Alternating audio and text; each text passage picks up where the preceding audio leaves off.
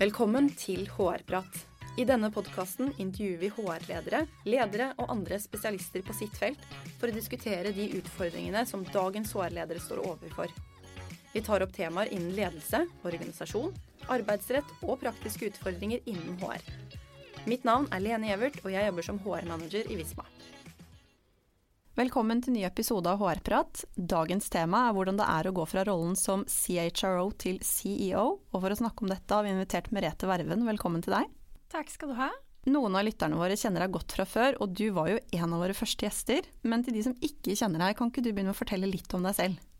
Det kan jeg absolutt. Eh, som sagt så heter jeg da Merete og er eh, konsernsjef i Visma. Det ble 1.4.2020. Ganske spesiell tid å bli det på. Før det så var jeg eh, visekonsernsjef i to år. Og før det igjen, så som du sier, så var jeg CHRO i Visma. Jeg jobbet i Visma nå i ni år. Eh, tidligere var jeg i EY. Eh, jobbet der i ti år. Først som finansiell ledelseskonsulent, jeg jobbet litt som analytiker. Revisjon har jeg vært innom. Og så etter hvert så jobbet jeg med HR. Og årsaken til at jeg begynte å jobbe med HR, det er veldig kort fortalt. Fordi mange har kanskje stusset på at jeg gikk fra tallcrunching til HR-faget. Og særlig på den tid så var det et ganske stort uh, veiskille. Uh, jeg har alltid vært veldig opptatt av verdiskapning. Jeg har vært utrolig gøy å se to tall og hva som er årsaken til at veksten er som den er. Og tidlig i min karriere så opplevde jeg at det som faktisk hadde størst påvirkning på businessen, det var menneskene. Mm. Og det var å sikre at du hadde riktige mennesker på rett sted. Så det er litt om min uh, karriere. Bakgrunn eh, siviløkonom eh, fra Handelshøyskolen. Og så har jeg en master fra St. Gallen i internasjonal ledelse. Også psykologi grunnfag. Uh, privat så har jeg tre fantastiske barn mm -hmm. og en kjæreste og to bonusbarn. Så ja. når ikke jeg løper rundt i gangene på jobb, så løper jeg rundt eh, på hjemmebane med, med, mange herlige eh, barn rundt meg. Ja, så hyggelig. Ja. Du er jo ikke den første HR-direktøren som går inn i en slik rolle som du har gått inn i nå, men det er jo allikevel ikke helt A4. Eh, kan du fortelle litt om hvorfor du ble forespurt om å gå inn i rollen som konsernsjef? Ja, eh, det, det, er et veldig godt, eh, godt spørsmål. Vi, jo, eh, vi, er jo private equity-eid. Så det å gå inn i en prosess hvor vi skulle lete etter Øystein Moen sin erstatter, som var konsernsjef i 23 år, det var en viktig prosess for mm. eierne, og ikke minst for alle våre medarbeidere. Så de intervjuet alle i konsernledelsen, også intervjuet de alle topptalentene. De samlet inn eksterne potensielle kandidater, og så vurderte de oss internt. Og uh, kanskje litt ille å si, da, men jeg var ikke en av de som rakk opp hånden og sa at den rollen har jeg lyst på. Jeg Nei. tenkte at det, det, skal noen andre få gjøre, uh, og gjøre på en veldig god måte. Uh, men veldig ydmyk i forhold til at det var, det var, ganske mange som sa at de ønsket meg inn i prosessen, da de da snakket med konsernledelsen og talentene i selskapet. Mm. Så det var den måten jeg kom, kom inn på. Eh, og eh, hva er grunnen til at en med min bakgrunn kom inn eh, slik? Det kan man jo spørre seg, men, men fra mitt ståsted så handler det å drive god virksomhet eh, om å sørge for at vi skaper verdier til eierne våre, eh, og skaper en trygg arbeidsplass for medarbeiderne. Og da må man også ha gode resultater. Eh, og hvordan er det du skaper de beste resultatene? Jo, det er å sikre at du har riktige mennesker på rett plass i organisasjonen, og at du bygger sterke ledere, fordi medarbeidere følger ledere, de følger ikke selskaper. Mm. Men det er jo én ting å påta seg et så stort ansvar, men jo, man kan jo si at du på en måte har valgt å gå litt vekk fra HR. Eh, eller du har i hvert fall gått vekk fra HR-funksjonen. Eh, hvordan var det å ta den beslutningen for deg? Jeg vil jo si at uh, alt jeg gjør fortsatt i dag, handler om å bygge sterke talenter rundt meg. Og sørge for at uh, dette selskapet ikke er avhengig av enkeltindivider, men at vi har mange fantastiske suksessorer rundt omkring. Og det handler om menneskeutvikling. Så jeg vil fortsatt si at jeg uh, til de grader jobber med HR hver eneste dag. og så er det ingen tvil om at som CHRO så jobbet jeg jo eh, i veldig stor grad med eh, lederne, coache lederne. Det gjør jeg fortsatt, men jeg jobber ikke like mye med rekruttering, kurs og kompetanseutvikling som det jeg gjorde tidligere. Jeg savner jo det også, men, eh, men jeg må jo si at jeg stortrives som konsernsjef i, i Visma. Mm. Men når denne beslutningen var tatt, når du var tatt inn i prosessen og eh, du ble valgt ut som den kandidaten man ønsket at skulle overta den rollen, hvordan var overgangen til eh, rollen som CEO? Du nevnte jo innledningsvis at du satt i deputy-rollen i et par år, men det var vel kanskje likevel en liten overgang, jeg vet ikke? Uten tvil eh, overgang. Jeg er glad for at jeg hadde en pitstop som visekonsernsjef. Jeg hadde da jeg ble konsernsjef jobbet i Visma i ni år. Vi er jo et selskap det ikke er så lett å forstå seg på, sett utenifra, med omtrent 150 selskaper. Bare hittil i år har vi kjøpt 28 selskaper, så vi er et selskap i stadig utvikling. Så var en enorm fordel å kjenne selskapet, eh, kjenne konsernledelsen og ikke minst være deputy i en periode. Så jeg hadde jo jobbet med veldig mange eh, aspekter ved eh, virksomheten fra før av og kjente virksomheten godt. Den store overgangen, det var kanskje det enorme ansvaret som jeg kjenner hviler på skuldrene mine, i kraft av å være konsernsjef. Det å hver måned sørge for at vi leverer gode resultater så eierne våre er fornøyde. Eh, og, og, hver måned sørge for at vi gjør det ytterste vi kan for å ta vare på medarbeiderne, og sikre at vi beholder de riktige menneskene og rekrutterer de riktige, og har riktige mennesker i riktige stillinger det er et veldig stort ansvar å bære. Eh, Én ting er ansvaret overfor eiere og medarbeidere, men vi har jo også én million kunder. Som vi også kjenner et enormt ansvar på. Og særlig i koronatider så har ansvaret vært eh, eh mer å bære på skuldrene enn det jeg kanskje hadde trodd da, eh, mm. da jeg takket ja til jobben, selv om jeg fortsatt er veldig glad for at jeg gjorde det på den tid. Ja. Men du sover fortsatt godt om nettene? Jeg sover godt hver natt. og det tror jeg er litt viktig. Hvis ikke er det ganske vanskelig å, å være konsernsjef. Ja. Men eh, hvilke grep er det som var viktig for deg å gjøre når du først da gikk inn i den rollen? For det, Visma ser jo kanskje ikke helt likt ut som det de gjorde for et halvt års tid siden. Eller om det er andre ting utenfor kanskje eh, Visma, som om det er noen ting du har måttet gjøre om på? For livet er vel kanskje ikke helt det samme? Nei, jeg vil jo si at livet til, eh, til oss alle har endret seg noe eh, voldsomt. Jeg gikk jo formelt inn som konsernsjef 1.4.2020. Og jeg hadde jo aldri trodd at jeg på den første arbeidsdagen min som konsernsjef skulle sitte hjemme med tre barn, hvor jeg skulle prøve å være litt barnehagetante og lærer. Og være konsernsjef, hvor, hvor, hele Norge, og egentlig Europa, da, som vi leverer tjenester til, var i en enorm endring. Mm eh, man sier jo at i løpet av de tre ukene fra Norge stengte ned, 12.3 og tre uker deretter, så gjorde vi et byks. Et teknologisk byks som man vanligvis ville brukt ti år på å få til. Så, så, det er uten tvil uh, har det skjedd uh, en enorm endring. Uh, jeg hadde aldri trodd at vi skulle passe på at alle våre medarbeidere satt hjemme og, og jobbet. og vi leverer jo digitale tjenester, software-løsninger til kundene våre som de må ha i gode og dårlige tider.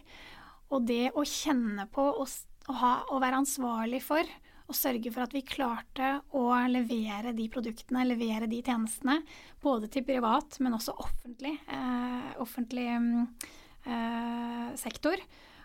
Og at ting faktisk fungerte. Vi leverer jo mye til helse, mye til skole. Eh, jeg kjente på et veldig stort samfunnsansvar for at vi måtte holde hjulene i gang, i lys av at én million eh, kunder skulle faktisk ha økonomisystemene sine, medarbeidere skulle ha lønnsslippene sine. Eh, så, så det, det, var en enorm overgang, eh, vil jeg, eh, vil jeg si. Mm. Og så har vi absolutt gjort endringer i Visma utenom korona også. Selvfølgelig sørge for at medarbeiderne klarte å jobbe hjemmefra, og at de ble godt ivaretatt. Det er jo en jobb i seg selv. Eh, parallelt så ser vi også med den teknologiske utviklingen at med våre 150 selskaper så startet vi året med å ha et konsept som heter Better Together. Og vi har jobbet veldig intenst med å sikre at vi kommer sammen i større grad enn tidligere. Eh, og jobber enda tettere eh, selskapsmessig, selskap med selskap, der hvor vi ser at vi kan skape ytterligere verdier for våre kunder. Mm. Og så betyr ikke det at ikke våre enkeltselskaper har like mye frihet som det de har hatt før. Vi er et uh, entreprenørselskap. Vi er opptatt av å bevare gründerne våre. Og vi klarer jo faktisk å beholde 70% av dem etter fem år. Mm. Uh, men da må de ha mye frihet. Stor grad av frihet. Men det å sette sammen to fantastiske administrerende direktører og diskutere hvordan de sammen kan skape enda mer verdier, uh, det, det har vi vært enda flinkere til i 2020. Mm. Er det noen, eller Hvordan har det egentlig gått? Du er jo litt inne på det, i hvert fall hvordan du opplevde eh, overgangen når korona kom. Men hvordan har det gått med Visma? Jeg vet jo litt, men til de som hører på. Altså, det har jo vært litt forskjellig, vi har jo mange likheter mellom ulike virksomheter. Men ja, sett med dine øyne, hvordan har det gått med Visma? Jeg må jo si at jeg syns det har gått uh, fantastisk bra med Visma. Uh, jeg tror nok at veldig mange av oss, vi er nå 12 500 ansatte, vi har nok aldri jobbet så mye før, eh, og så hardt. Produktiviteten har økt med 30% så det at mange ledere var usikre på om folk ville jobbe når de fikk lov til å være hjemme, den myten har vel egentlig eh, Og når jeg snakker med andre konsernsjefer også, så, så går det veldig bra med, med, virksomheten i forhold til produktivitet.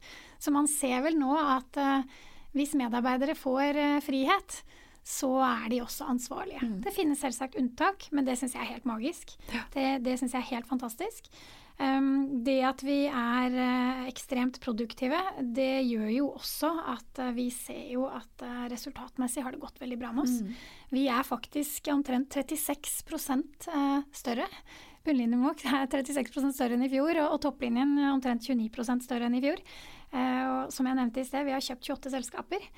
Det er jo slik at i en resesjonsperiode, de selskapene som kommer ut på andre siden eh, med en boost, det er gjerne de som våger å investere selv i usikre tider, og det har vi gjort. Mm. Parallelt så har vi strammet inn på kostnader som vi ser ikke er så strategisk for oss, og vært eh, restriktive på det området, fordi det er en verden som er full av usikkerhet akkurat nå. Men vi gjør det kjempebra. Og, og, grunnen til det er jo at vi har fantastiske medarbeidere som virkelig har fulgt opp kundene sine og stått på. Mm. Og parallelt så vet jeg at det er veldig mange andre bedrifter der ute som har stått på akkurat like hardt som oss, men som er i en bransje som eksempelvis hotell, reiseliv, fly. Mm. Altså de, uansett hvor hardt de har jobbet, så sliter de veldig nå. Og, ja. og de føler jeg veldig med. Ja. For det har vært et tøft år for alle. Eh, alle har jobbet hardt. Og noen bransjer, uansett hvor hardt man har jobbet, så har det vært veldig vanskelig å stå i, mm. i denne settingen. Ja. Mm. Men eh, du er inne på at produktiviteten har gått opp og ting går egentlig veldig bra. Men ser du noen ting som kanskje ikke har vært så bra siste halvåret? Altså, er det noen utfordringer som også du ser i eget konsern? Det som vi jobber veldig intenst med nå, det er å sørge for at vi tar vare på medarbeiderne våre. Vi er sosiale vesener, og det å få beskjed om at uh, du må holde deg på hjemmekontor så, så mye som mulig, uh, det er ganske tøft for folk. Vi har veldig mange unge medarbeidere som sitter i en liten leilighet og er alene. Det er en psykisk utfordring for mange. Parallelt, særlig da skoler og barnehager stengte, så satt vi da med veldig mange medarbeidere som hadde utrolig mye de skulle gjøre, parallelt som at de skulle være mamma, pappa, lærer, barnehagetante. Mm. Og, og, det var også veldig, veldig tøft for de ansatte. Så det å passe på at vi tar vare på de ansatte, ekstremt viktig. Eh, og, og hvordan man skal ta vare på ansatte i en setting hvor man på en måte må være hjemme det er veldig utfordrende. Det jobber vi veldig tett med nå i Visma, også eh, fra HR-perspektivet. Jeg har stor tro på eh, at man eh, etablerer en eller annen buddy. Hvis ikke leder bor i nærheten. Jeg har walk and talk-meetings med to meters avstand med mine medarbeidere som bor i nærheten annenhver uke. Fordi selv om, selv om, teknologien hjelper oss, vi kan ha veldig mange møter eh, over hangout, eh, Skype eller hva det nå enn folk bruker, Teams, så er det noe annet, og det er en avstand der når skjermen er på den andre siden. Så, så, det å sikre at medarbeiderne har det bra og er engasjerte, det er det ene punktet. Det andre punktet er hvordan sikrer man kreativitet i en setting som dette. Jeg sier vi er produktive. Min bekymring er når jeg sitter hjemme Jeg får gjort masse på to do-listen min. Mm. Men hadde jeg vært på kontoret, så hadde jeg ikke fått gjort like mye. Det betyr ikke at jeg da hadde sittet og drukket kaffe på kontoret. Men ved kaffemaskinen så treffer jeg kanskje på en medarbeider, har en uformell prat det er utrolig mye innovasjon og kreativitet som skapes i de uformelle, uplanlagte mm. settingene som du havner i på kontorplassen. Ja, du mister enormt mye input, så selv om du blir fortere ferdig, så er det ikke sikkert at resultatet er like bra. Helt riktig. Og hva med de tingene som ikke er på to do-listen, som mm. du typisk hadde funnet opp eh, ved hjelp av en samtale på kontoret. Ja. Så det, det er det jeg kan kjenne på. Og hva som er riktig i lys av den situasjonen vi er i nå. Hvor mye folk kan komme på kontoret før det er skadelig helsemessig. Eh, hva er virksomhetskritisk? Eh, når skal man åpne opp for at folk kan komme på kontoret? Fasitsvaret på det er jo veldig vanskelig, så det jobber vi intenst med. Mm. Men nå, et halvt år senere, eh, korona eller ikke, er det noe du skulle ønske du hadde gjort annerledes den første tiden? Ja, det er et veldig godt spørsmål. Uten tvil er det alltid ting man kunne gjort annerledes. Akkurat uh, idet jeg formelt gikk inn som konsernsjef, så sto vi midt i korona. Og, og måtte treffe en del beslutninger veldig raskt på å flytte folk hjem og gjøre beslutninger basert på hvem er det som må være på kontoret, og holde det til et minimum. Om våre beslutninger på at vi av og til har sagt at 50 belegg, av og til 30 av og til 0 om de beslutningene er riktige, de kan man jo til stadighet utfordre seg, eh, ja, utfordre seg selv på. Eh, men eh, ja, og fasitsvaret har vi kanskje fremdeles ikke. Mm. Så, så, så, det å hele tiden manøvrere rundt korona og hva som er riktig eh, for å ta vare på medarbeidere og kunder, og ikke minst samfunnet, der kunne man helt sikkert gjort ting annerledes. Ja. I tillegg, vi eh, er jo veldig raske. Jeg nevnte jo at vi har kjøpt 28 selskaper. Eh, det er jo helt sinnssykt, egentlig. ja, det er ganske heftig. Historisk har vi kjøpt godt over 150 selskaper. Når vi er raske og innovative, så betyr det jo ikke at alt vi gjør er perfekt, og alt vi gjør er riktig. Så at vi kanskje det siste halvåret har truffet noen grep som eh, kanskje ikke er de beste, men prøvd å da analysere oss så fort som mulig på å manøvrere litt annerledes, ja, det er ikke tvil om det. Men mm. Det, er, det, er, vel en del, en del, av jobben. Hvis man skal være raske, så treffer vi noen gale beslutninger av og til også, og så er det viktig å sove godt om natten likevel, og bare ja. manøvrere og fail fast. Mm. Men hva blir ditt viktigste fokus i tiden som kommer fremover? I tiden som kommer fremover, så skal vi fortsette å utvikle Visma. Fortsette å kjøpe mange fantastiske selskaper som passer inn i vår eh, portefølje. Fortsette å levere gode resultater og levere eh, fantastiske produkter til, til eh, våre kunder. Og for å få det til, så må vi passe på at vi har engasjerte, motiverte eh, medarbeidere som fortsatt evner å være kreative, selv i en setting som dette. Mm. Før vi runder av, Eh, hvis du skal gi tre råd, hvilke tre råd vil du da gi til de HR-lederne som hører på, eh, når de skal få en ny CEO eller andre ledere i nøkkelfunksjoner, for å hjelpe de med å lykkes? Nå som du har vært gjennom en sånn type endring selv. Ikke sant. Det er et godt spørsmål. Um, jeg vil si at uh, eh, HR er ekstremt viktig. Det å sørge for at man tiltrekker, ansetter og beholder de riktige menneskene, det er helt avgjørende for enhver virksomhet.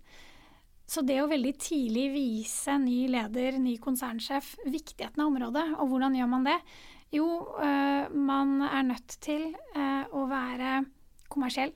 Følge med på bedriftsresultatene. Prøve å trekke sammenhenger mellom resultater opp mot det å ha riktige mennesker et sted. Uh, det er det ene.